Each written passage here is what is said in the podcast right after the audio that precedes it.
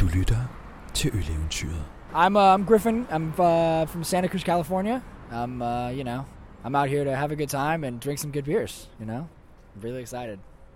Uh, my is Eric. I'm from Boulder, Colorado. Uh, my first time uh, queuing for Blåbær was last year, uh, and I got in early in the morning, and uh, the line share was such a fun time. Uh, I knew I wanted to, to spend a good amount of time doing this, and uh, this year when they announced that the Magnum was going to be raffled off, uh, we decided that uh, we would take it seriously. So, I mean, you're in line for how many hours and for a beer? About 25, I would say, or 25. 25 yeah. Why? We don't get this back home, um, so this is a this is a special event, and uh, especially uh, getting to have him come and have his first time here to enjoy this uh, and and do it in, in style, if you will. I mean, many people wouldn't say this is in style because we're toughing the elements, but um, but you know, getting to getting to enjoy the the full length of the the line, uh, all of the people that come, uh, all of the fun stories that are already forming out of this, and the jokes that we're having with our friends teasing us about you know wasting all of this time in line and stuff. So um, Um, it's it's really fun. The big thing with having beer, I think, is meeting new people and sharing good experiences. So you know, you, it's a little bit of my time to do this, but I think the amount of fun I will have afterwards with my friends with this bottle is definitely worth it. So when are you gonna drink it? when I feel when I feel if my fancy, I it's hard to say. You know, it, it's kind of in the moment. You know, you don't really know these types of things until they happen. You know, it's not like I'm planning.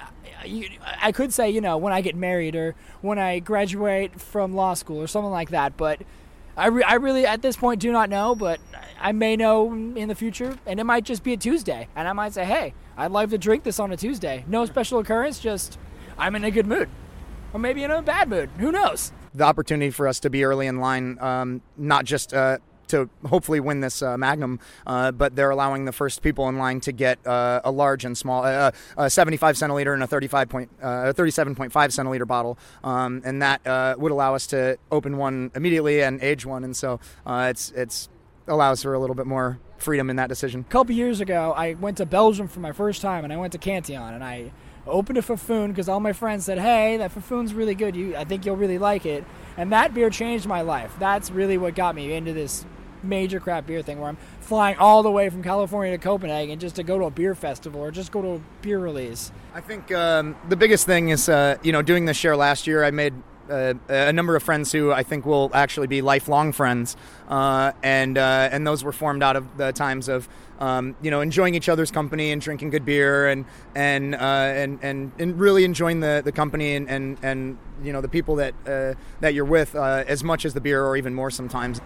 Everyone I've really met and have been really nice. They've been like like Eric said, lifelong potential lifelong friends, and I, it's it's really it really made uh, changed my life in a very positive way that I I'm very happy that it has happened. And I think the the beer community is, is really one that is really welcoming and inviting, um, and it's it's you know a, a community that's a good community to be a part of. They take care of each other. Actually, coincidentally, funny story. Uh, he actually had his luggage uh, stolen out of a friend's vehicle. He was broken into in, in Brussels, and so uh, everything he has on him is, is everything he has for this vacation. All of his beers were stolen, all of his clothes, everything, and uh, and the community came together uh, to make sure that he you know was able to you know, kind of enjoy the, the vacation still as much as possible. I'm actually uh, going to law school next year. I'm uh, going to be a law student. Currently, I work in a law office. I've been uh, working towards that for a while. I, I uh, manage the beer program at a bar in Boulder, and so I have uh, 14 uh, lines, uh, tap lines that I buy kegs for. I, I collect and, and drink beers as a personal hobby. I uh, talk about and uh, sell beers as my job, and I uh, like to be an advocate and uh, I don't, I don't know if evangelist is the word I want to use, but uh, an evangelist for, for beer as well, um, because again, uh, there's some really good liquid out there, and, and people are not necessarily aware of it and drinking it yet. I'm still kind of figuring out my life, what I want to do, but I, I, I know what my true passions are, and I know that I love lambic. So uh, yeah, the most that is definitely definitely the most important thing is knowing what you like and liking what you know. Du har lyttet til Øleventyret.